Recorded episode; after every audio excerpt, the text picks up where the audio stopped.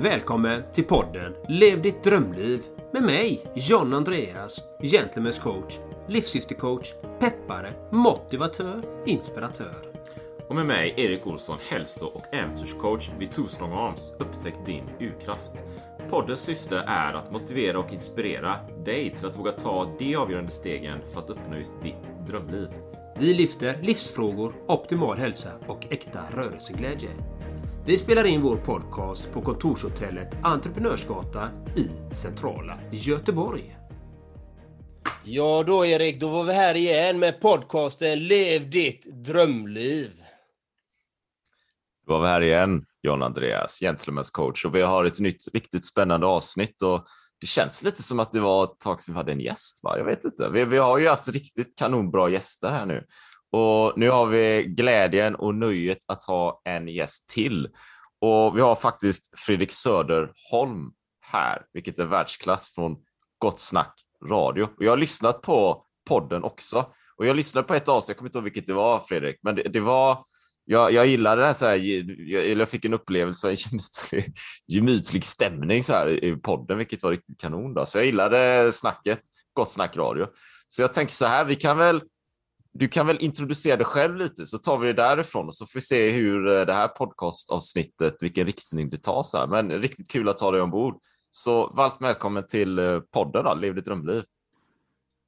Fan vad kul det är att få vara med. Det är alltid väldigt uh, humbling att bli inbjuden till samtal. Jag, uh, jag, sitter här i min lilla studio på Ringvägen 149 på Södermalm i Stockholm och har precis blivit klar med eh, morgonens sändning. Sänder ju morgonradio, webbmorgonradio varje morgon 7 till 9 som vi släpper som podd också där vi bjuder in eh, massa olika typer av människor och eh, ja, det är egentligen samtalet som är i fokus. Idag hade vi exempelvis en Rebecka från en Youtube-kanal som heter Riks som egentligen är SDs, eh, vi brukar kalla det lite skämtsamt propagandaorgan, men det är väl deras, deras egna nyhetssajt kan man väl säga, fast det är liksom videoformat. Mm. Och eh, jag sitter här med min lilla nakenkatt Bruce i knät och eh, jag, är alltid, jag är alltid som allra jävla bäst tycker jag den här mm. tiden på morgonen. Jag har sån jävla energi efter sändningar. Jag kan nästan vara lite överhypad. Jag brukar försöka passa på att ta en powerwalk eller gå till gymmet eh, direkt efteråt. Och sen, så liksom, sen brukar jag dippa lite grann. Så ni, ni catch me at the right time. Och du catchar oss också right time eftersom vi spelade in ett avsnitt precis innan här då. Därför det blev lite försenat också. Så du fick vänta två minuter eller tre minuter sådär. Och vi blir också hypade efter vi har gjort våra avsnitt liksom. Så vi är också in the best mood just nu. Fan vad härligt. Alltså det, det, det är ibland lite så, du vet, man, man, för ni, ni, du kör ju podd sådär och en del avsnitt vi, vi, spelar in, en del bara shit, vad var det här? Och så får man världens kick och världens energi och som man gäster bara, det händer värsta grejerna. Och andra avsnitt kanske man bara, ja, ah, det var ett bra avsnitt så här. Men ibland så blir det extra hypat av någon anledning. Det är ju någon slags energi i poddavsnittet och strukturen och snacket som får igång en.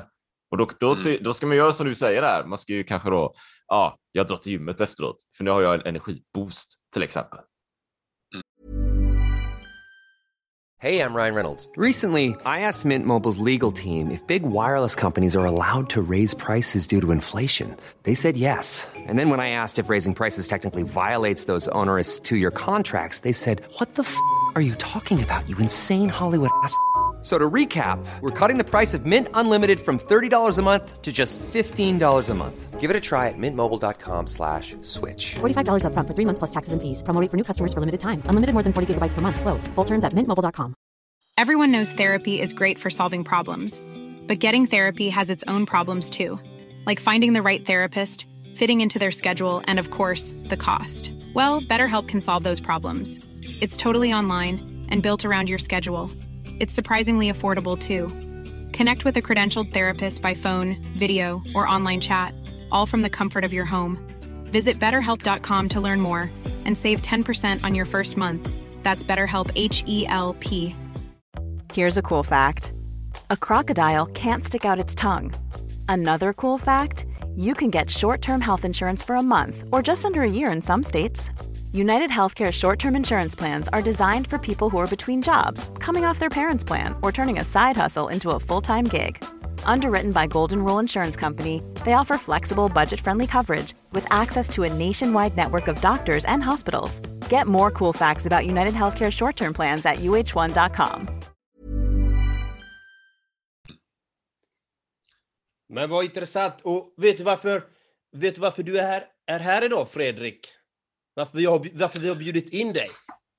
Ja, men du var ju med i, i Gott Snack när vi hade vår Göteborgsvecka i maj, tror jag det var. Och, eh, men vi fick väl ganska bra G som jag upplever det. Ja, det var jättefint. Ja, och det var framförallt att du bjöd in mig. Och inte bara det. Det var att eftersom, jag vet inte om du någon gång har känt det som ett hett villebråd någon gång?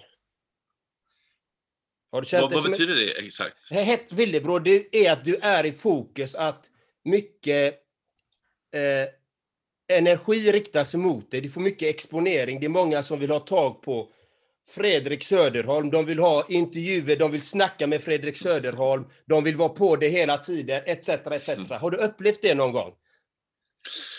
Nej, det kan jag väl inte riktigt. Eh, jo, men kanske någon gång när jag gjort bort mig på något sätt i något sammanhang och så har det varit, eh, jo, no, någon gång har det varit eh, så, man, har känt att nu stänger jag nog av telefonen för nu är det jobbigt. Ja, och eh, det var så, jag var med om en sådan incident liksom när eh, jag fick väldigt mycket exponering. Och då hörde du av dig till mig första gången. Du vill ha med mig till Gott Snack Radio. Och eh, jag tackade för din förfrågan och sa, men du kan höra av dig efter årsskiftet. Och eh, då har jag mer tid. Eh, och det jag vill säga är, det här är också för att jag hade mycket att göra, men det är också att titta på hur intressant tyckte Fredrik Söderholm att det var att ha med mig i Gott Snack Radio. Och eftersom jag fick väldigt mycket exponering under den perioden så gjorde jag så med många, många som var på mig. Hör av er efter årsskiftet, men du var den enda, den enda som hörde av sig som visade att du hade ett genuint intresse av att möta mig. Och det vill jag ge dig cred för, för det tycker jag är vackert. Vad fint.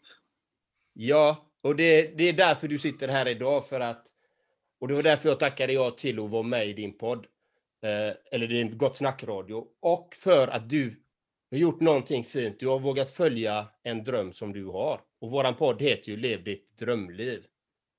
Mm. Så vill du berätta lite om den incidenten, vad det var som fick dig till att starta Gott Snack-radio till exempel? Ja, men, alltså, jag tror att jag alltid har burit på någon slags dröm och längtan efter att göra min egen grej. Så jobbade jag ju med TV ganska länge, typ tio år och tyckte att det var svinkul eftersom jag jobbade med extremt begåvade och roliga människor. Filip och Fredrik och eh, alla som de tar in runt omkring sig är också på en väldigt hög nivå. Liksom. Så det var jävligt, jävligt roligt. Så det var därför jag, jag gjorde det så länge och eh, kunde liksom förtrycka min, min egna dröm så pass länge för att jag hade så pass kul och det var så pass liksom, bra betalt och härligt och sådär. Men sen så hände det väl lite olika saker. Jag kommer inte ihåg exakt vad det var som var liksom gnistan, men jag kände väl typ så här, okay, jag närmar mig 30 och när jag fyller 30, vad vill jag vara i livet då? Vill jag tänka att jag att jag känner att det finns mer potential, att jag har massa saker, massa drömmar som jag inte har vågat testa eller vill jag känna att jag har testat? Och då, då kände jag, att jag vill ju känna att jag har testat. Och då så kommer jag, jag tror att jag fick lite inspiration av en annan kille som gör ett morgonradioprogram som också är finansierat av lyssnarna som heter Amo på morgon. Om en komiker som heter Martin Soneby och så tänkte jag, ja, men det där programmet, om det funkar då kan väl jag göra någonting liknande. Och då måste jag nog bara testa och kasta mig ut och bara ta min sista lön, betala tre månadshyror och bara kasta mig ut och hoppas att eh, mina följare liksom plockar upp mig eller liksom hjälper mig att landa mjukt. Och så gjorde de det, vilket var helt, Wow. helt fantastiskt. Vad vackert. Vad fint.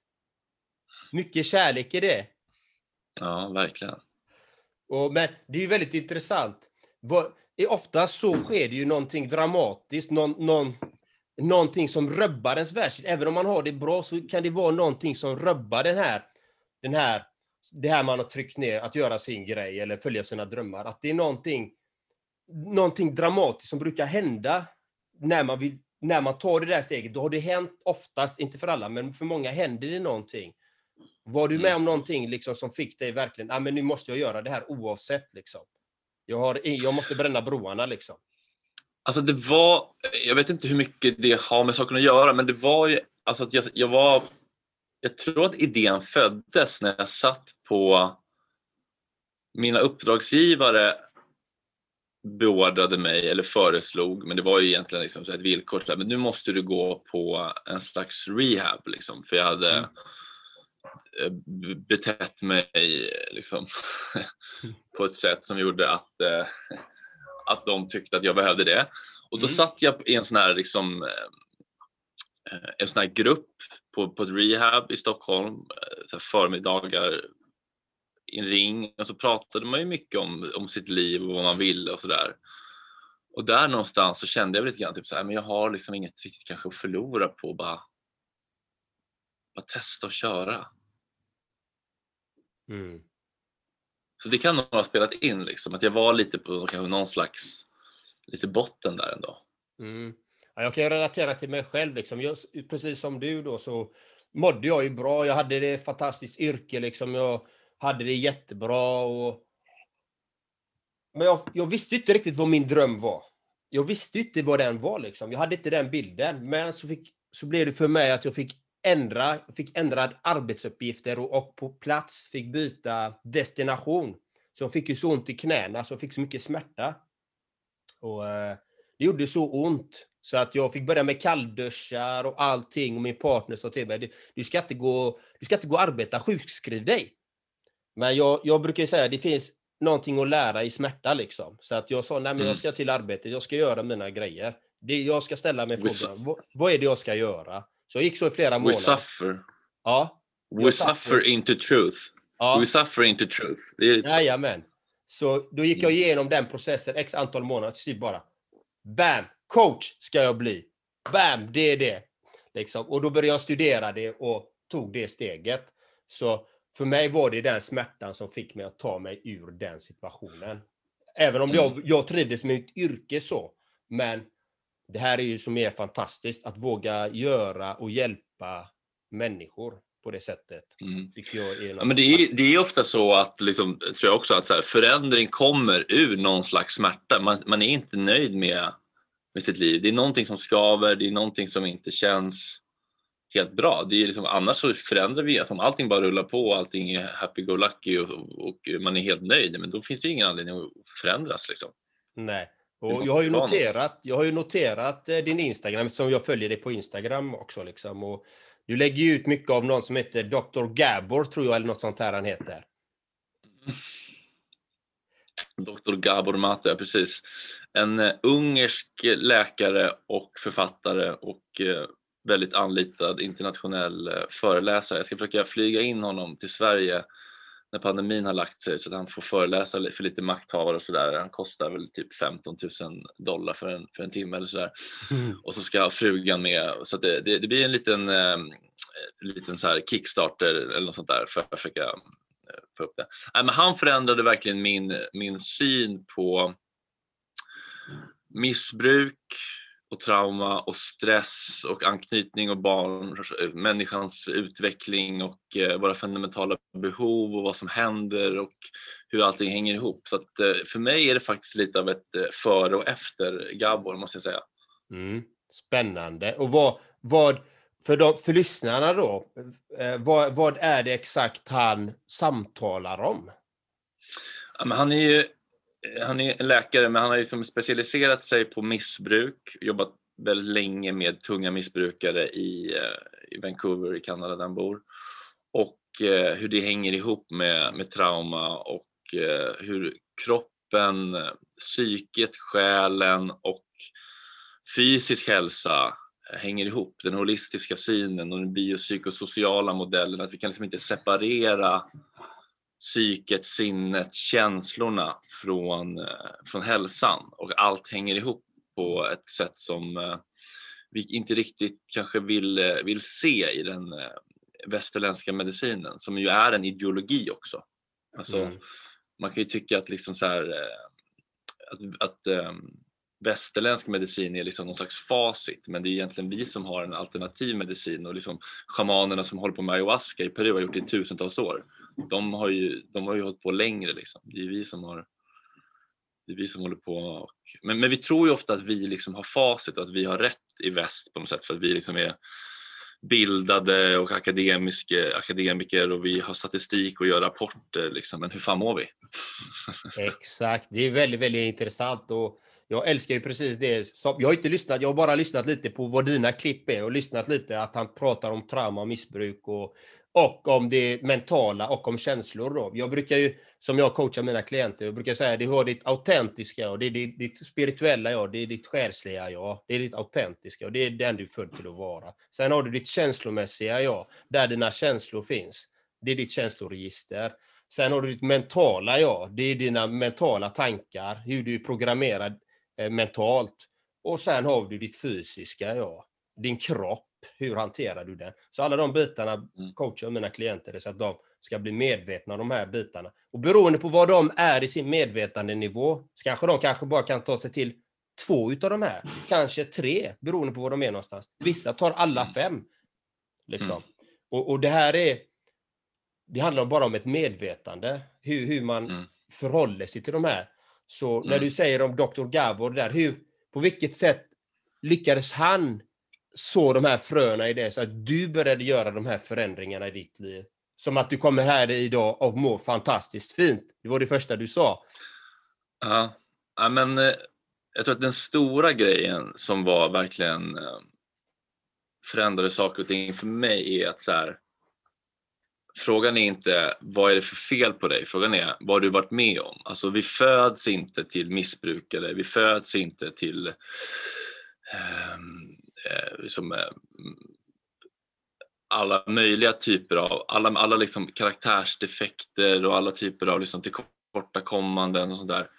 Det är liksom ingenting, det är, det, det är, inte fel på mig som person utan allting har börjat som överlevnadsstrategier, adaptioner, försvarsmekanismer som vi utvecklar för att överleva. Liksom. Så här, vårt, när vi föds så har vi liksom Eh, vi är helt beroende av våra anknytningspersoner som oftast är våra föräldrar. Och då gör vi liksom lite, vad som helst för att skydda den anknytningen och för att minimera smärtan. Och de adaptionerna och beteendemönstren och strategierna som vi utvecklar som barn, de, de gör vi för att de funkar då. Men när vi blir vuxna så kanske de blir dysfunktionella i våra relationer. Men att förstå att det är ingenting fel på mig utan det här var liksom lilla Fredriks sätt att överleva, att utveckla de här beteendena. Och när jag fattade det, då blev det som att självmedkänslan, den här bottenlösa brunnen av självempati och självmedkänsla öppnade sig. Och jag kunde förlåta mig själv, jag kunde förstå varför jag har haft så svårt att prata om känslor, varför jag tycker det är läskigt och skamfyllt att uttrycka mina behov, varför jag tycker det är läskigt att säga nej. Jag förstod hur det blev så. Jag kunde verkligen känna med mig själv och inte allt det här självhatet och självföraktet försvann när jag insåg att jag har inga dåliga delar. Inte ens min missbrukardel är en dålig del av mig. Det är bara en person som försöker fly smärta, som vill må bra, som vill känna trygghet, glädje, nyfikenhet, oräddhet, mod, skamfrihet. Det finns inget dåligt i mig. Jag är bara, har bara belamrat mitt autentiska jag med massa strategier och försvarsmekanismer som hindrar mig från att leva det liv jag vill leva. Och han förklarade det på, på så empatiskt och lugnt och um, odömande sätt.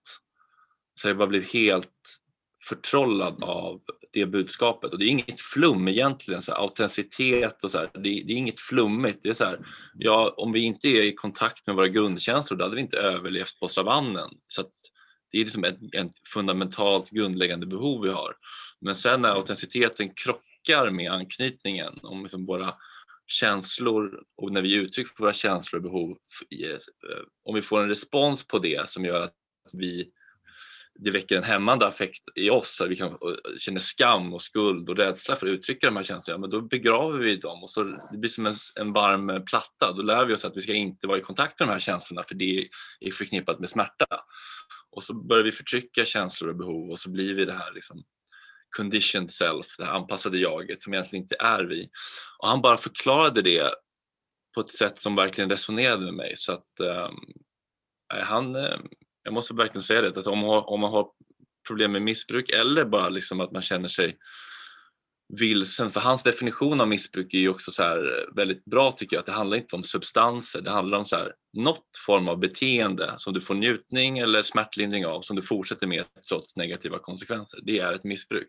Och sen kan det ta sig uttryck på alla möjliga olika sätt, om det är spel, shopping, mat, träning, arbete eller substanser. Men att det är liksom ingen, och det finns ingen moral i det. Att så här, om han får in en, eh, en, en, patient som har tagit en överdos så säger inte han liksom skyll dig själv lika lite som man säger skyll dig själv till en, en högt uppsatt VD som kommer in med eh, hjärtattack för att den har rökt och supit och arbetat för mycket. Utan så här, det här är, vi är alla bara människor som gör så gott vi kan och eh, om vi förstår varför det blir som det blir så kan vi på riktigt läka oss själva för vi har ju allt det här inom oss. Det är det som är så jävla fett. Att vi behöver bara verktygen och förstå det. Vi har all, allting har vi inom oss.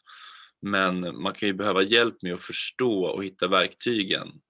Och att det finns ingen yttre liksom, lösning eller någon magisk behandling eller några jävla liksom, SSRI-piller. Det kan ju hjälpa folk att komma upp liksom, ur den absoluta dvalan och mörkret för att orka ta sig vidare sen. Men vi har ju liksom det allra mesta inom oss och kraften att förändra och läka oss själva. Liksom. Jag, jag håller med dig fullt ut när du säger att vi har alla verktyg inom oss. Men ibland behöver vi, som du säger, du behövde hitta Dr. Gabor till exempel för att börja luckra upp, för att börja kunna arbeta med dig själv och titta på varför. Jag brukar kalla det pålagor, jag brukar kalla det skikt, jag brukar kalla det lager som vi har fått på oss. Liksom. Och, och, och det har blivit beteendemönster hos oss av olika slag. Vi kan eh, reagera med ilska, frustration eller så krymper vi oss själva. Och Det är bara försvarsmekanismer. Och, mm. Men man börjar ju någonstans. Vi alla är människor. Det är den människan vi har lärt oss till att vara. Och det gäller att titta på. Hur, mm. hur kan man ändras som människa? Vad är det man vill känna? Ja. Vi alla vill känna frihet, kärlek, glädje, spontanitet, nyfikenhet. Det är det alla vill. Och det är precis, precis som du säger att ett missbruk till exempel, då, byter, då vill man byta ut en känsla man redan har till en annan känsla av mm. en positiv känsla oftast. Liksom att man vill ha en viss känsla. Liksom. Och det spelar ingen roll vilket missbruk det än är. Men när man inser det, så kan man ju faktiskt göra någonting åt det utan substanser, utan saker, att faktiskt kunna jobba med sig själv. Nej, men vilken känsla vill jag ha? Hur kan jag byta ut det här traumat eller det här beteendemönstret mot någonting annat? Och det är det jag tycker är så... Det är också en av anledningarna till att jag ville ha med det, för jag vet ju att du hamnade i ett missbruk liksom. Och att du ville få pengar för din fina katt Bruce till exempel. Det var ju hur du skulle ge den mat liksom. Du hade din omtanke om din katt i detta också. Liksom.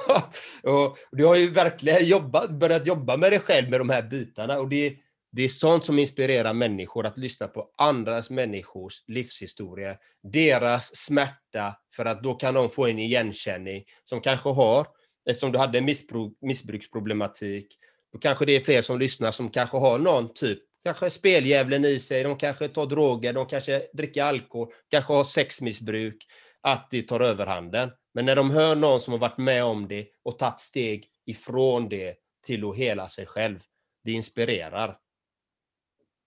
Så det är lite, förhoppningsvis i bästa fall. Förhoppningsvis, ja. Men det enda man kan göra är att så fröna, så får man hoppas att mm. det fröet ligger där så att någon går runt och vattnar det. Kanske de själva eller någon annan som går runt och vattnar det och till slut kanske det börjar blomma inom dem och de tar det där steget. Mm. det är också en sån liknelse som jag tycker är ganska bra. Så här, om, om, en växt inte växer, då tänker vi inte vad är det för fel på växten? Vi frågar oss, har den fått tillräckligt med vatten, näringsrik jord och sol? Ja. Det är samma, det är samma med människor. Det är så här, har, vi, har vi fått det vi behöver eller vad är det som börjar vi inte ha fått med oss. Att här gäller hans liksom tänka så här, men frågan är inte varför det är missbruk, ask not why the addiction, why the pain. Alla de här bra sakerna som man får av, eh, av de här flyktbeteendena, okay, liksom det, det, är bara det är positiva saker kortsiktigt. Liksom. Man känner mm. sig glad och nyfiken och modig och orädd och skamfri. Frågan är inte varför man knarkar då, frågan är varför har man inte tillgång till de här sakerna utan, eller när förlorade man dem? Ja, det är det. För man kan ha den tillgången hela tiden, ja. alltså så mycket som möjligt i sina liv. Liksom. Och Det är ju det som jag tycker är så intressant. Och jag har ju noterat att du har ju skapat någonting som kallas self-healers också. Vill du berätta mer om mm. det? Ja, men eh, jag har ju gått de här tolvstegsprogrammen då. Eh, en gång gick jag liksom hela, jag gick liksom och gjorde alla stegen, sen så slutade jag och sen så började nu, nu igen i vintras och det är ett otroligt program som har hjälpt otroligt många människor. Det vill jag verkligen ha sagt. Alltså det förs ju ingen statistik så man vet ju inte. Men det är väldigt många liv och familjer och saker. Det, det har gjort väldigt mycket gott. Men ju mer jag började förkovra mig i det här så kände jag att det fanns en begränsning i de där rummen som jag inte riktigt, jag kunde inte vara mitt autentiska jag i de där rummen. För att jag kände att den människosynen och den sjukdomsbeskrivningen som den där boken och det där programmet eh, jobbar med, den, den är inte tillräckligt eh, liksom nyanserad och den är också skriven på 30-talet den här boken. Så det är inte så konstigt liksom att de inte hade ett steg om anknytning och trauma då, för det, då visste man väl inte hur det hängde ihop med missbruk. Liksom. Men jag kände bara att det var lite så här, det blev lite för ointressant att bara sitta där och prata om samma sak i den där boken hela tiden. Det finns otroligt mycket mer där ute. Och att allt bruk är liksom inte missbruk. Och man kan sitta på ett sådant möte och lyssna på någon som kommer direkt från Katrin och Cosmopol som är matmissbrukare, porrberoende och kedjeröker som berättar för en om lösningen. Och då kan man ju fråga sig om den liksom har hittat sig själv och he helat sig själv på riktigt eller om den bara har bytt flyktbeteende. Så jag kände väl att jag skulle vilja ha en gemenskap där man får tänka högt, provprata och eh, få liksom, vara helt transparent med att man kanske har problem med en drog men man kanske inte har för avsikt med att sluta med alla sinnesförändrande substanser för resten av livet. Jag menar, en träningsmissbrukare eller en matmissbrukare, liksom, vi säger inte till den du får aldrig mer träna eller, eller liksom äta mat eller jobba. Utan så här, man kan, vissa människor kan också förändra sin relation till ett destruktivt beteende. Man är inte sjuk i beroendesjukdomen för alltid. Alla är inte det. Jag tror inte att det är liksom en, en medfödd sjukdom som gör att man är dödsdömd och aldrig någonsin kunna liksom, eh, eh, ta en drog i sitt liv igen. Och vissa psykedeliska droger jobbar ju folk aktivt med att integrera sina trauman som ofta är grundorsaken till missbruket. Så jag vill ha en grupp där man kan säga så här, ah, jag, har, jag vill sluta med kokain men jag vill också åka till Peru och ta ayahuasca och det är fine. Och att vi kan prata lite mer om orsakerna till varför vi började och hur det hänger ihop. Och att, eh, för mig liksom att sluta knarka och dricka, det är bara att sluta kasta bensin på elden. Men elden är ju kvar och jag vill förstå var den kommer ifrån och jag kan lära mig att inte släcka den, men tämja den, leva med den och låta den få mm. finnas. Så att jag drog igång en egen liten, en liten gruppterapigrupp helt enkelt. Så vi ses tisdagar och torsdagar, vi är två grupper och så ses vi i Stockholm och så får folk prata om det som gör ont i deras liv. Och så är det lite annat upplägg. Man får liksom så här, det blir lite mer samtal och folk får liksom spegla varandra och det är inte bara det här man delar var för sig. Och liksom vi har men en lite mer holistisk och empatisk syn. Vi pratar inte om karaktärsdefekter utan vi pratar om liksom, ja, men hur var vår barndom? Hur, hur, hur blev det så här? Så det är faktiskt as kul och asfint att se de här människorna som kommer dit och står och väntar där en kvart innan så kommer man och öppnar och så, så här. Och, och, efteråt känner man alltid, det är liksom någon slags eh, fysisk, man får ju liksom påslag av olika hormoner och eh, eh, signalsubstanser, må bra-grejer i kroppen när man har bara suttit ner med människor och pratat om det som betyder någonting på riktigt och delar med sig av det. Alltså, det, är, det är något jävligt fint i det. Det är vackert. Det är så vackert. Jag håller med dig. Nu har jag inga, själv, inga grupper, men jag har funderat på det själv. Liksom. Men att sitta där med någon som man bryr sig om eller någon okänd och faktiskt prata om de här smärtsamma sakerna, det, det är ganska bra att göra det, för det ventilerar och det kan ju få också personen att se saker på ett annat sätt. Och även att lyssna och höra någon berätta om det, då kan man relatera. Aha, det är därför jag agerar på det sättet, därför jag reagerar på det, på det där sättet. Mm. Och gå till botten med varför man gör det. Ja, men jag fick det kanske från min far, jag kanske fick det från min lärare som Mm. faktiskt eh, gjorde vissa repressalier på mig, till Mm. exempel. Eller Mm. etc. etc. Då får man en förståelse om hur, varför man har blivit som man har blivit. Mm. Varför man har fått de resultaten i livet. För det, Ja. Allting är ju ett resultat. Det är, det är ju ganska enkelt. Liksom. Vad, vad, ska vi, vad vill vi ha för resultat i livet? Vill vi ha gynnsamma resultat eller vill vi ha ogynnsamma resultat? Mm. Och där du har mest ogynnsamma resultat, det är där du kan ha ditt största optimeringsområde, om man säger så, Mm. för att få en bättre hälsa. En mer Mm. holistisk hälsa som jag, som jag också förespråkar, att ha helheten, hela människan, inte bara eh, delar utav människan, utan ha Mm. allting är viktigt. Även de sociala relationerna är viktiga. Mm. Men Problemet är bara när man går liksom på autopilot och inte reflekterar och bara, så här, bara låter saker hända. Man går på invanda mönster utan att ta steg tillbaka. Bara, "Okej, men varför blir det så här? Varför gör jag så här? Många människor går, jag har också gjort det hela mitt liv, bara gå på autopilot och bara gå på första känslan, första impulsen, tar känslor för fakta och så känner man sig liksom förbittrad och arg på att det inte blir som man vill och så ser man inte sin egen del i det och ser sig som ett offer och då blir man maktlös och då blir man förbittrad och då blir man till slut incel. Liksom. Mm. Nej, men, nej, men så är det ju liksom. Och jag har ju också gått igenom de här, alla de här bitarna liksom, i mitt liv. Liksom. Jag har varit utbränd två gånger, och varit i det här tillståndet levande död, där allt var kollaps, kropp, mentalt, känslomässigt, det var avstängt allting och bara var som en drönare. Liksom. Och alla de här bitarna lär ju mig någonting, de lärde mig någonting om mig själv. Hur vill jag leva mitt liv? Nej, jag vill bara ha fina människor som faktiskt lyfter mig, inte som kastar sin skit på mig, utan kastar de det så får de tillbaka den, att de ska ta hand om den. Jag tar inte emot den gåvan. Mm. Jag säger, det är din gåva, det är ditt sätt att arbeta med den, men jag accepterar inte det i mitt liv. Jag vill inte ha det i mitt liv. Nej.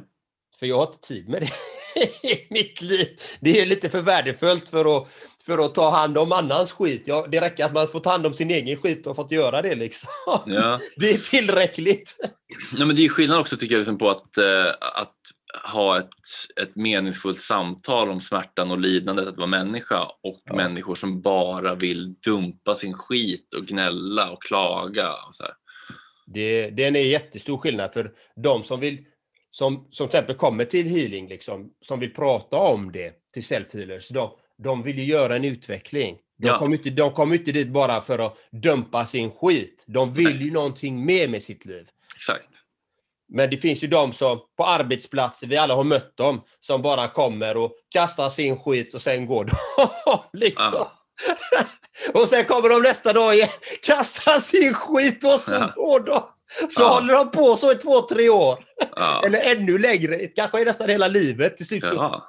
till slut så har de fått x antal käftsmällar och kanske då kanske poletten ramlar ner. Nej, men jag kanske ska ändra på mitt beteende. Jag måste kanske ta reda på orsaker till varför jag får de här resultaten i livet. Vad är den röda tråden? Vad är den gemensamma nämnaren här? Ja, det är jag. Jajamän. Det är alltid jag. Hur förhåller jag mig till negativa kommentarer? Som vi hade, vi hade, det, vi hade det avsnittet innan här, eh, och min kollega då. Han har lämnat nu, Erik förresten. Mm. Mm. Eh, angående negativa kommentarer, negativitet. Hur, hur förhåller vi oss till eh, kritik och negativ, negativa kommentarer och negativa människor med Mm. destruktiva beteenden? Hur förhåller vi oss till det? Mm. Och det, det är viktigt hur man faktiskt förhåller sig till det. Och sina Gud, ja. egna negativa tankar och beteendemönster. Gud ja. Men jag har ju varit otroligt reaktiv. Alltså, så fort någon typ skrev någonting på Insta eller så här, du vet, eh, minsta lilla kritik så gick jag upp i liksom, eh, stark affekt och skulle trycka tillbaka på den personen. Medan jag nu är så här, okej, jag blir det här tar väldigt hårt på mig. Varför då? Ja, men för det första så kanske det river upp saker i mig, tidigare upplevelser av att någon inte respekterar mig eller att jag känner mig tillplatta, Det har kanske inte så mycket med exakt det här att göra men också att om någon säger till mig att jag är ful och tråkig, då blir jag inte ett dugg upprörd. Men om någon säger till mig ja, din affektreglering eh, är inte så bra som du tror och eh, du kan analysera folk lite grann, det är lite oskönt. Då gör det ont, för det limmar ju med min bild av mig själv. Så det där handlar ju bara om Ryan Reynolds here from Mint Mobile. With the price of just about everything going up during inflation, we thought we'd bring our prices down. So to help us, we brought in a reverse auctioneer, which is apparently a thing. Mint Mobile unlimited premium wireless. Ready to get 30, 30, bit to get 30, bit to get 20, 20, 20, bit to get 20, 20, bit to get 15, 15, 15, 15 just 15 bucks a month. So, Give it a try at mintmobile.com slash switch. $45 upfront for three months plus taxes and fees. Promo rate for new customers for limited time. Unlimited more than 40 gigabytes per month. Slows. Full terms at mintmobile.com. Millions of people have lost weight with personalized plans from Noom, like Evan, who can't stand salads and still lost 50 pounds. salads generally for most people are the easy button, right? For me, that wasn't an option. I never really was a salad guy. That's just not who I am. But Noom worked for me. Get your personalized plan today at Noom.com. Real Noom user compensated to provide their story. In four weeks, the typical Noom user can expect to lose one to two pounds per week. Individual results may vary. Om liksom mina egna självbilder och det finns, ju liksom, det finns ju väldigt sällan en anledning att rikta sin ilska mot en annan människa. Det är liksom det är bara om Kent Ekeroth kommer med ett järnrör vi verkligen behöver den där, det där stresspåslaget och liksom att använda liksom våld, både verbalt och fysiskt. Ja, och det är ju skillnad på varför man använder det. Är det självförsvar eller är det livsavgörande för din egen säkerhet och din egen hälsa? Mm. Det är en enorm skillnad. Mm. Eh, Som i din podd där, vi, vi, du, nu frågade ju mig där, kommer jag ihåg, "Har- blir du arg någon gång, John Andreas? Mm. och då fick jag ju dra en historia för många år tillbaka, för jag trodde inte jag kunde bli arg. Mm. Den var ju, det var ju mitt svar på universum. Liksom. Jag brukar säga det, man får de svaren man tror man har övervunnit förr eller senare. Tror du att du är bättre på något sätt, ja, då kommer du bli tillplattad. Så det, är- det är bra att vara ödmjuk. Att nej, men jag är inte färdigutvecklad än. Jag, jag, det finns fler saker att lära hela tiden. Ha Mm. den ödmjuka inställningen, inte Mm. sätta sig på en pedestal eller något. Även om inte jag hade gjort det medvetet, ja, att jag bara, nej men jag kan inte bli arg. Folk kan kasta all skit på mig, jag blir inte arg. Men så var man med om den här extrema situationen, då jag blev vansinnig liksom. Mm. Eh, och, eh, men det var ju ren överlevnad. Men Mm. det, vissa saker får man svar på när man sätter sig på en pedestal liksom. Mm. Eh, på ett eller annat sätt. Och jag komma bort ifrån ämnet här lite, men, men, men det är ju lite så att man faktiskt får titta på hur behandlar man sin egen frustration, ilska. Liksom. Mm. Det tycker jag är... Det är fint att du gör det, att du har tagit det steget. Det tycker Mm. Ja, men alla, alla känslor får finnas, men sen så kan vi ju ta ett steg tillbaka och verkligen välja hur vi agerar på det. Ofta är det vår egen tolkning av det som händer som gör oss, orsakar smärtan. Ja. Alltså att, att Jeppe kommer sent i morse, förut hade jag blivit kränkt av det och känt så här, vilken jävla fitta du är som inte respekterar våra tider. Och nu tänker jag bara så här, ja, vad kul att du kommer, du har, han har väl försovit sig eller det finns något, det finns hur många skäl som helst till att han är sen som inte har att göra med att han inte respekterar mig. Det finns ingen anledning att liksom rikta ilska mot, det finns ingen, det är bara det är bara skönt att inse att man, så här, man kan välja hur man förhåller sig till verkligheten, känslorna, upplevelserna och där i liksom händelser skapar, liksom, väcker affekter som, som blir till sinnesstämningar som blir till mående. Det är ju ändå så, liksom, så att vi, vi kan ju ändå styra vårt mående ganska mycket. Väldigt mycket ska jag säga att man kan styra det. Väldigt, väldigt, väldigt mycket. Eh, vi kan faktiskt ändra hur vi förhåller oss till saker och ting, hur vi tänker och hur vi ser på saker. Till exempel som Jeppe som kommer sent liksom. Ja, han, han kanske inte mådde bra den morgonen, han kanske var med om en incident. Det kan vara precis vad som helst han har råkat ut för. Eller så är han en sån människa som ofta kommer sent för att han har fått in det beteendemönstret. och, och vissa människor kanske har det beteendemönstret och då, då får man ju förhålla sig till det. Ska jag, ska jag lita på den här människan att om vi säger klockan nio och han kommer varje gång klockan halv tio, ska jag lita på att sätta den tiden med honom eller ska jag göra en åtgärd eller göra något kreativt av den situationen? Det, det var ju som, du kom ju lite senare här än avtalat för att Jeppe kom sent, till exempel. ja. vad, vad, hur förhållde jag mig till det? Ja, jag och Erik då. Ja, men vi sa, ja men då gör vi ett eget poddavsnitt emellan. Istället för att wastea timern. Då gör vi något kreativt. Då gjorde vi det och så bam. Liksom. Och så är, det, så är du här och vi har ett samtal nu. Det är vackert. Ja, och du slipper liksom eh, vara sur på mig och gå runt och tycka att jag är en jävla idiot och bara liksom bli, låta den harmen äta på ditt, Ja. Och, och, din jag, dag.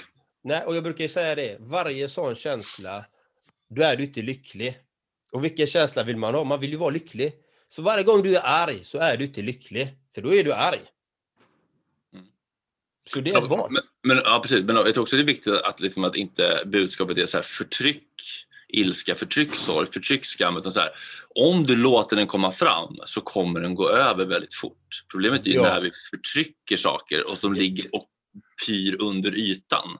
Man blir jättearg snabbt och sen så kan man ta ett antag och inte agera på den. Så, alltså så här, starka affekter går ju över liksom, inom 90 sekunder. Typ. Jajamän, man ska inte förtrycka någonting för då blir det ju det här att du reagerar. Du reagerar med ilska, frustration och du blir utåtagerande om du inte kan titta på din ilska. Om du inte kan stanna upp. Och det är en process. Alltså, jag var ju ganska hetlevrad förr liksom att tuff, mycket aggressivitet, mycket frustration, mycket hat, mycket bitterhet. Jag drevs av den kraften.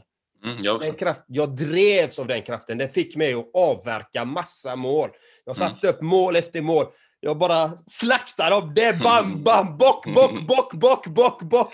Men det, det är en otrolig kraft, men den är inte gynnsam för mig. Det, det går att göra lika, eller samma resultat med lite andra saker som faktiskt man mår Exakt. bra utav. Och man kan Exakt. välja det. Men jag tänker liksom på så här, eh, Jordan B. Peterson och Gabor. Liksom så här, två personer som pratar om hur människan funkar. Men, och båda har ju nått fantastiska resultat. Men i Jordan B. Peterson så ser jag jättemycket ilska och frustration och harm och liksom måste berätta för världen vad som är fel och folk måste ta sig i kragen. Och Gabor är bara så här. You just need to hold the child so it doesn't feel stressed. Och det är så han bara pratar med ett sånt annat lugn. Bara så här, det är samma resultat kanske men bara så här, man kan också göra det med empati och kärlek och lugn. Jajamän, det är det som är så vackert. Det är så vackert. Det är precis så jag alltså, samtalar också. Du kan göra det med den lugnande, tryggande, varma handen. Mm. Det är det du kan göra. Det är ett förhållningssätt. Och jag förespråkar alltid det varma sättet, inte det hårda. Det, det är en quick fix, bara det här hårda. Mm. Det, det, det, eller det är ingen quick fix egentligen, utan det är en omväg egentligen. Om Mm. man ska säga så. så Men det är väl jag- ett sätt att nå ut genom bruset, liksom, att folk eh, reagerar på någon som är så här sträng, hård, tydlig, väldigt självsäker och liksom, det funkar. Det gör det. Det gör det. Liksom. Och eftersom jag gör ju mina peptider som kan uppfattas väldigt hårda, väldigt högljudda, väldigt stränga, förmanande etc. Men jag gör det också med en glimt i ögat så att det finns en viss humor i det. Mm. Men, men vissa utav dem blir styrkta av dem. Vissa människor kommer ur destruktiva beteenden tack vare de här videosarna. Och det är det som är meningen. Den ska ju nå den människan som behöver höra det för att kunna ta sig ur någonting. Liksom. Mm. Det, är därför de är, det är därför de är skapta på det sättet. Men jag har ingen aggressivitet inom mig när jag gör dem. Nej. Jag, jag har bara kärlek här. Annars kan jag inte gå ner i min pitch, i min, min, min, eh, min stämma på det sättet. Och man hör det, att jag inte är agiterad. Jag har Mm. ingen agitation. Som du säger, Jordan Peters där, tror jag han heter. Jag har också lyssnat på honom lite grann. Precis samma reflektion som du har, har jag med honom också. Att det, Mm. det är en aggressivitet där inne. Det är, han har ett behov av att göra det på det sättet. Mm. Och jag, jag, jag har ju själv lyssnat mycket på till exempel Sadhguru är ju en av mina favoriter. Liksom. Vem är det då? Det är en indisk eh, en indisk yogini skulle man kalla det. Han, han, gör, han, gör, han pratar mycket om precis det vi säger, att vårt förhållningssätt till omvärlden och till oss själva, hur man kan jobba med de bitarna. Så Mm. Sadhguru kan du lyssna på, tycker jag. Om du är intresserad av det här så verkligen. Mm. Det Mm. Sen har vi Eckart Tolle också. Är också Mm. en av mina favoriter också. Mm. Eh, Det, det är de, eh, när vi pratar om de här pålagorna, de här trauman och beteendemönstren, så är det, de är mina favoriter liksom. Ja. Som jag lyssnade på väldigt, väldigt mycket innan jag gjorde min egna resa då liksom. Eller när jag påbörjade resan så att säga. Till, så att det finns mycket, mycket viktiga människor där ute som faktiskt har den här värmande handen, den här ömheten, empatin. Mm. Som inte är det här quick fixet, som faktiskt inte är en quick fix, att det ska pressas, det ska eh, nås resultat hårt, hårt. Du ska maxa dig. Nej, du behöver inte göra det på det sättet. Du kan ha den värmande empati, se människan och vara snäll mot dig själv, ödmjuk mot dig själv och förstå dig själv att ja, men, jag har inte lärt mig bättre. Det, det här jag är i dagsläget, fint. Det här jag Mm. är nu. Det är också att eh, man kan komma undan förbittring. Alltså så här, eh, jag, jag kan ju känna sorg för att så här, jag kom till de här insikterna så här sent i livet kan jag ju tycka. Men jag är inte förbittrad just för att jag också tänker så här, men man gör ju alltid det man tror är bäst efter den nivå av kunskap och medvetenhet och insikt man har där och då. Det hade liksom inte kunnat bli på något annat sätt så som det har varit och då går det liksom inte riktigt att vara bitter på sig själv. Man kan ju känna sorg för att så här, okay, jag hade kunnat ha, kanske haft ett bättre liv om det hade hänt tidigare och det kan jag få vara ledsen för. Men jag blir inte förbittrad för jag tänker att men det hade inte kunnat bli på något annat sätt efter de förutsättningarna som var. Nej. Och, och, och så som jag ser det också, det var meningen att jag skulle vara med om de här sakerna. Alla de här sakerna ser jag att det var meningen för att jag skulle utvecklas till den människan jag är idag. Mm. Jag ser de här smärtsamma sakerna som en lärdom. Att det Mm. finns en visdom i alla de här olika sekvenserna, händelserna, trauman som man har varit med om. Det finns en lärdom i dem. Har du sett filmen Wisdom of Trauma? Nej, jag har inte sett den. Jag ska skriva upp den. Ja, jag kan skicka den till dig. Den var så här att den bara gick en vecka eh, online. Man tvungen att signa upp sig men jag lyckades rippa den så jag har den på min drive. Vad grym du är! Kung är du! Vad bra! Mm. Jättegärna, jättegärna. Jag älskar ju sånt här. Det är ju det jag arbetar med. Liksom. Jag, Mm. jag arbetar ju med livssyftet framför allt. Att ta fram ditt autentiska jag i ord. Mm. Ditt egna citat som blir ditt verktyg. Och förstå vad det är som blir nedtryckt hos dig. Så att, du har, så att man har ett verktyg. Det är det jag jobbar med. Liksom. Så det, Mm. Det, det är mitt starkaste verktyg. Och meditationen egentligen. Det är mina nummer ett verktyg Mm. egentligen i mitt liv. För att få, den här återkopplingen hela tiden till en själv. Hur ser dina meditationsrutiner ut? Eh, De, de, är, de är ganska... Alltså om man säger meditation. För mig kan meditation vara att vara i nuet. Att jag är medveten om nuet. Liksom att vara här och nu. Men jag sitter och mediterar eh, på morgonen många gånger. Inte varje morgon, men oftast sitter jag på morgonen i ja, halvlotus, inte lotus, men jag sitter med benen i kors. Liksom. Och, Mm. och så kör jag min livssyftet. Mitt livssyfte är ju jag är fri och delar min kärlek och glädje med alla varelser. Det är slutet av min meditation, är det mitt livssyfte som kommer in. För att jag ska ge det till mig själv och det är det jag ska ge till alla jag träffar under dagen. Så ska de få mitt livssyfte. De ska känna sig fria att yttra sig. De ska fria, känna sig fria att vara sitt autentiska jag. De ska vara fria att ställa vilka frågor de vill. De ska få vara fria att bara vara dem. Det är mitt livssyfte. Och det är det jag försöker sända ut till alla människor när jag träffar dem. I alla avseenden. Mm. Så vill jag att de ska känna det, att de kan yttra sig och jag dömer dem inte och jag fördömer dem inte. Men jag kan säga om en handling som jag inte tycker om, kan jag säga, jag tycker inte om den här handlingen, kan Mm. jag säga. Men sitter, du, sitter du tyst själv eller har du någon liksom, guidad liksom, app? Eller? Nej, jag sitter själv. Jag har ju gått eh, tio stycken tio dagars vipassana meditationer. Eh, det är tio dagar i, i silence och två stycken eh, sju dagars har jag gått. En, eh, en på vipassana och sen en på vipassana-gruppen som ligger i Stockholm däremot, som jag kan rekommendera. Där, som, eh, där var det en eh, Janai hette den meditationsläraren då. Och då var det compassion and eh, love som man skulle fokusera på i sju dagar. Mm. Ge det till Wow. sig själv, ge det till sig själv och ge det till omvärlden. Liksom. Mm. Så det jobbar jag med i sju dagar. Liksom. Mm. Det där är ju så jävla viktigt. Jag tycker det är så jävla intressant. Jag gör en podcast med Ola Rapace, skådespelaren, Ja. där vi gräver i hur vi blev som vi blev. Och eh, det, det är svårt tycker jag att liksom mäta sin egen utveckling. Men jag, det var så intressant bara när jag lyssnade på ett gammalt avsnitt vi spelade in i februari. Och så bara jävlar vad kritisk jag är när jag pratar om mig själv. Och jag var så här, okay, här märker jag en, ty en tydlig konkret förändring. Att jag är så här, vi kommer tillbaka och har lyssnat på en grej och så, och så är jag jättehård mot mig själv och bara känner shit, shit, det där är inte jag idag. Nej. Men då blir det så här, okay, men ska jag byta ut det nu då? Fast det där var ju jag då, men jag vill ju samtidigt alltså blir man lite så här, hur ska vi förhålla oss till det? Ja, men det är i alla fall en podd som kommer nu i höst. Ja, ja, nej, men allting är ju en ständig förändring. Allt förändras ju hela tiden. Du förändras varenda sekund. Allt förändras hela tiden. Mm. Och, och acceptera att det är så. Ja, men det var ju då. Självklart kan du lägga ut det, för då kan ju även dina lyssnare följa din resa och höra ditt, ditt tonläge, din analys, din reflektion. Så du kan göra ett poddavsnitt om det poddavsnittet, till exempel, och prata om det. Nu lyssnade jag på det och märkte de här sekvenserna och där känner jag mig inte alls idag. mm. till exempel.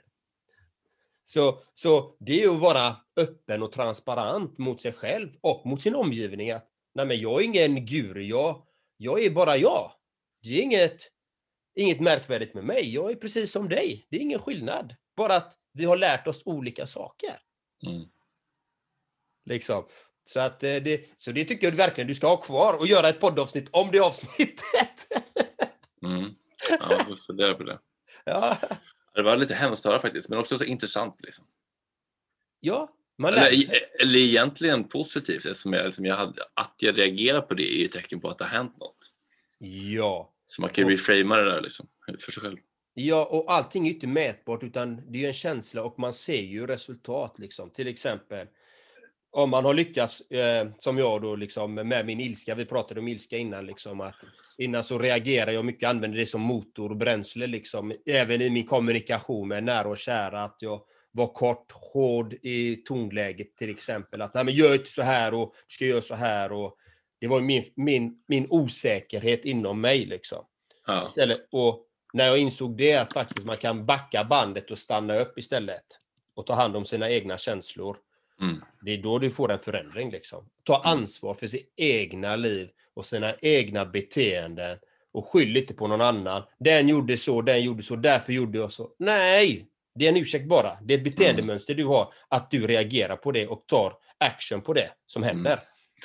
Men, men kan inte du också uppleva att det nästan är, liksom, det är nästan lite betungande när man är så upplyst och så eh, medveten om allt sånt här. Att man ser alla andra, alla människors smärta och trauman som de inte själva är medvetna om och man ser hur de bara eh, orsakar sig själva mer smärta än vad som hade behövt och man känner så här, jag kan ju inte hjälpa dig. Jag, kan jag, jag skulle kunna liksom ha en liten föreläsning här för dig men det kommer liksom inte hjälpa dig här nu för du måste komma till de här insikterna själv och jag vill så gärna att du ska göra det men att det finns nästan en, liksom, en sorg i det. Liksom. Ja, ja, jag har upplevt den tidigare, liksom den här sorgen. Jag har fått förlika mig med att så ser verkligheten ut, att jag har fått acceptera att verkligheten är så. Och att jag ser ju det i människors beteendemönster. Jag ser det i deras ögon, jag ser lidandet, jag ser frustrationen, jag ser alla de här olika destruktiva tankarna eller känslorna de har. Och jag har fått förlika mig med det och acceptera att så ser verkligheten ut. Accept it as it is. Det, det är lite det. Och du ska acceptera dig själv som du är. Att titta på, okej, okay, jag har de här känslorna. Okej, okay, det är bra, de får finnas där. Men jag behöver inte förstärka dem, jag behöver inte gå in i känslan och, som du sa innan, kasta bränsle på den, kasta på bensin mer. Det behöver jag inte göra. Det är ett val jag kan ha lärt mig till att inte göra. Nej, men jag, vill inte, jag vill inte elda på här med. Jag vill inte lägga på den här gasolen här nu. Utan den får själv slockna.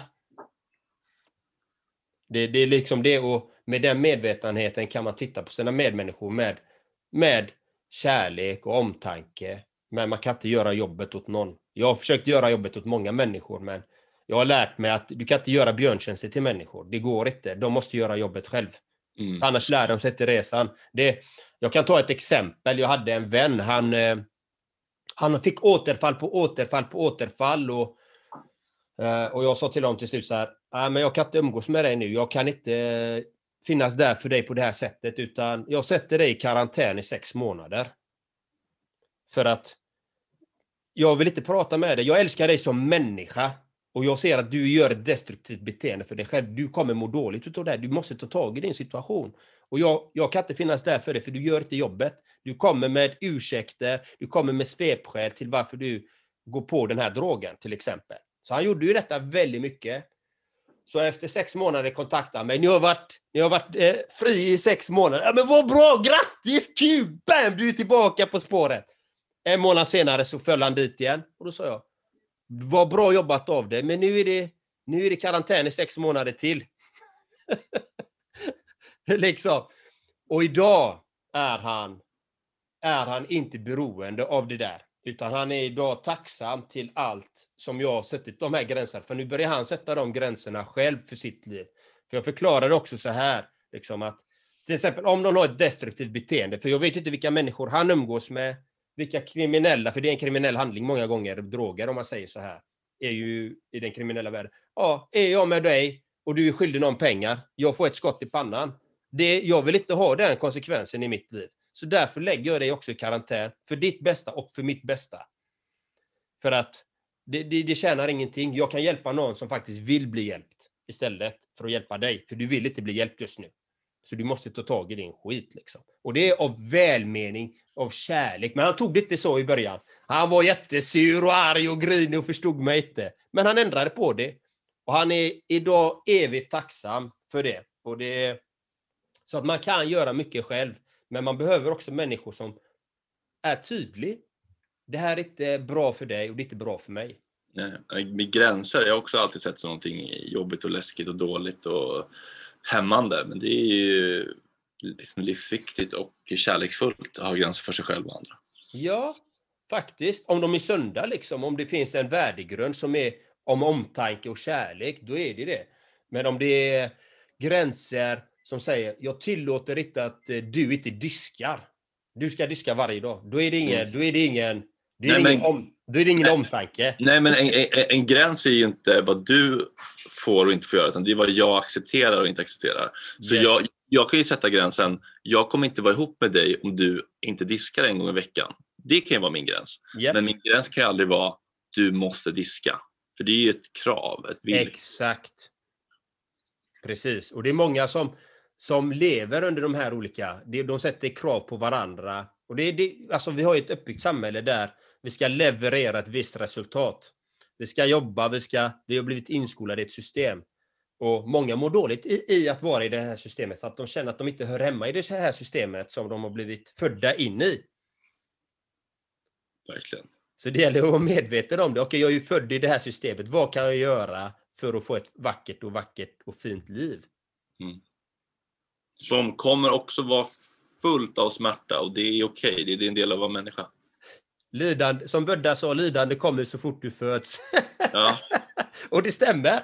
Ja, men för det, för det där finns ju också någon slags kanske idé om att så här, men man ska försöka undvika smärtan. Det, är helt omöjligt och det finns ingen ambition med det. Och vill vi ens det? För om vi inte kan känna smärtan, kan vi då känna den totala lyckan? Det är, Nej. Och, båda måste finnas. Ja, och jag kan ju säga så här, jag trodde ju jag var lycklig tidigare, många år innan, när allting gick som tåget, affärerna gick bra, jag hade vacker fru och hus och etc, etc, etc. Jag trodde jag, jag Alltså att jag var Miss the man, helt enkelt. Att jag hade, jag hade lyckats materiellt, ekonomiskt, kärleksmässigt och allting.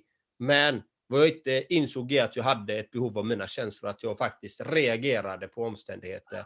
Jag hade en tomhet inombords som jag hade tryckt ner. Som fick komma, kom fram till slut tack vare alla de här incidenterna man är med om. Så jag brukar säga det, man, ibland behöver man gå igenom en trappstege liksom, av olika sekvenser i livet för att öka sitt medvetande om sig själv och om sin omgivning. Gud ja. Vad tycker du, hur har det gått idag på den här podden då?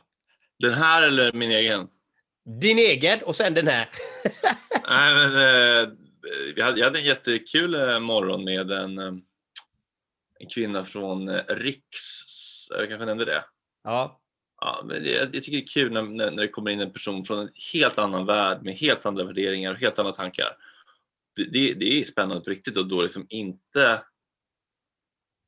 gå i affekt utan verkligen så här, det, det är en kul utmaning för mig liksom, att se människan bakom och försöka förstå var den kommer ifrån. Vi lyckades inte riktigt med det tyvärr.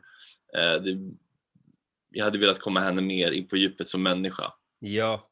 Eh, men det var, var, lite mycket folk, det var inte de optimala förutsättningarna och hon var, kanske var lite nervös. Så det är också så här, live-radio, det är inte alltid jättelätt att få till det här äkta, genuina mötet med människor. Liksom. Mm.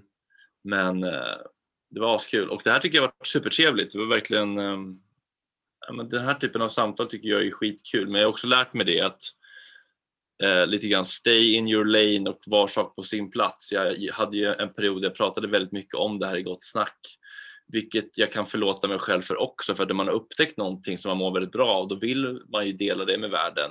Men att förstå att alla människor är inte är mottagliga eller intresserade och att man kan liksom inte prångla på människor det, men då får man hitta andra outlets för det, liksom det här yeah. och liksom self-healers eller liksom ja, hitta gelikar som är intresserade. Det är inte konstigare än att man liksom pratar hockey med en hockeypolare. Liksom. Nej, nej, men, nej, men så är det. Jag, jag kan ju relatera till mitt egna Instagramflöde. Jag har ju så många olika kategorier i den. Liksom olika känslor. Jag har ju så himla mycket där. Vissa tilltalar inte den biten, men något annat tilltalar den andra. Så jag har ju extremt olika saker i mitt flöde för att det ska finnas något för alla. Så om, om man Vissa är bara intresserade av mina peppvideos, vissa är bara intresserade av mina djupa samtal. Vissa gillar när jag kommer med min fredagsbukett, var, inte varje fredag, men oftast på fredagar så gör jag en fredagsbukett liksom, som jag lägger ut. Som man kan dela om man vill till någon älskling, eller så kan man plocka en egen fredagsbukett eller köpa. Så jag jobbar ju på olika sätt för att inspirera människor på olika medvetandenivåer som vi pratar om, och om deras intressen, vad de tycker om. Liksom. Så det, så det, det, det är som du säger, vissa saker har sin plats liksom. Som podden här. Här tar vi ju in gäster av alla möjliga, möjlig, möjliga olika eh, infallsvinklar helt enkelt. Och det har vi haft eh, sådana som har haft spelmissbruk, sen har vi haft kostrådgivare, vi har haft äventyrare, alltså alla som inspirerar till något positivt vill vi ha in här. Som du, du har ju följt din dröm eh, med, lev, eh, med Gott Snack-radio. Du har ju tagit det där viktiga steget, till exempel. Och du jobbar med dig själv. Att utveckla dig som människa också samtidigt. Vilket jag tycker är vackert. Och, och det är ju det vi vill inspirera människor i den här podden, att de faktiskt ska våga komma utanför sin comfort zone, eller jag brukar inte säga zone egentligen, men folk relaterar till det ordet, men att våga prova nya saker, våga ta de där stegen till sin förändring, till det de vill göra.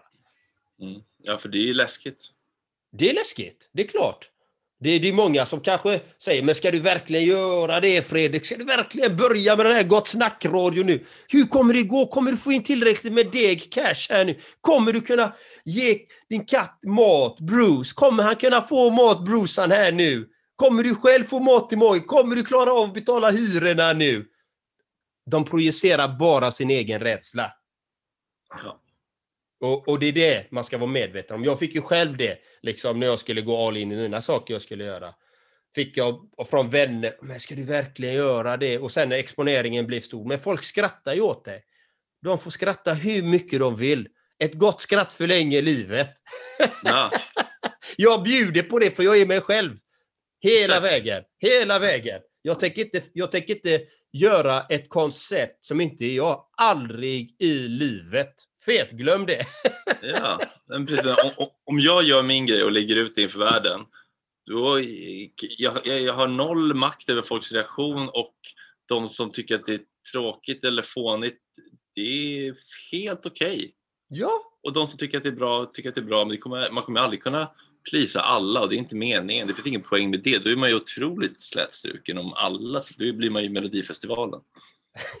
ja, då ska man vara där liksom och då, då börjar man göra avkall på sig själv. Då ska det bli ett koncept som blir gångbart i samhället, i mm. gemene man. Liksom. Ja, härligt och lite mysigt och lite ingenting. Ja. inte ta tag i de riktiga grejerna, liksom vara sig själv och faktiskt ta det som man själv brinner för och som faktiskt berör en själv. Mm. Det, det, är de bitarna som jag tycker är intressant. Mm. Men om du skulle ge Får jag, får jag fråga, vill du ge några tips till lyssnarna här? Liksom, om de ska våga följa sina drömmar, hur ska de göra då? Man måste nog först och främst titta på sitt liv och känna så här, okay, men trivs jag? Liksom, är det, är det tillräckligt där för mig nu? Men också våga tänka okej, okay, även om det här är helt okej okay nu, men hur kommer det här kännas när jag blickar tillbaka? Det kan, det kan nog vara lite läskigt, men jag tror det kan vara ganska bra. Så, okay, men när jag väl tittar tillbaka på, på mitt liv, kommer jag känna fan, jag borde ha testat mer. Och väg den, den, det lidandet mot smärtan i stunden, att våga testa och kasta sig ut och kanske misslyckas, bli förlöjligad och skrattad åt. Och om man gör det på riktigt och verkligen försöker ta in den ångesten där framme som hägrar, då tror jag att fler skulle faktiskt våga testa. Mm. Vad fint. Ta med dig det du, fantastiska, unika, magnifika, kärleksfulla, omtänksamma lyssnare. Ta med dig det i ditt liv nu att våga ställa de här två sakerna emot varandra och ta det där viktiga steget. Så jag önskar dig en helt magisk, fantastisk dag. Har det gått så länge? Hej! Hej! Hur kändes det här Fredrik då? Underbart! Ännu ett fantastiskt avsnitt. Tack till dig för att du lyssnat på vår podcast. Det vore magiskt om du vill lämna en positiv recension på podden vid exempelvis Apple Podcast eller den plattform som du har valt. Så att fler kommer kunna upptäcka podden och det värde vi bidrar med så att vi kan hjälpa fler att uppnå sina drömliv. Tack från oss Ha en magisk dag! Ever catch yourself eating the same flavorless dinner three days in a row? Dreaming of something better? Well, HelloFresh is your guilt-free dream come true, baby. It's me, Kiki Palmer. Let's wake up those taste buds with hot, juicy pecan-crusted chicken or garlic butter shrimp scampi. Mm. Hello Fresh. Stop dreaming of all the delicious possibilities and dig in at HelloFresh.com. Let's get this dinner party started. Mom deserves the best, and there's no better place to shop for Mother's Day than Whole Foods Market. They're your destination for unbeatable savings, from premium gifts to show-stopping flowers and irresistible desserts. Start by saving 33% with Prime on all body care and candles. Then get a 15-stem bunch of tulips for just $9.99 each with Prime. Round out Mom's menu with festive rosé, irresistible berry chantilly cake, and more special treats. Come celebrate Mother's Day at Whole Foods Market. Even when we're on a budget, we still deserve nice things. Quince is a place to scoop up stunning high-end goods for 50 to 80% less than similar brands. They have buttery soft cashmere sweaters starting at $50, luxurious Italian leather bags, and so much more. Plus, Quince only works with factories that use safe, ethical, and responsible manufacturing. Get the high-end goods you'll love without the high price tag with Quince. Go to quince.com/style for free shipping and 365-day returns.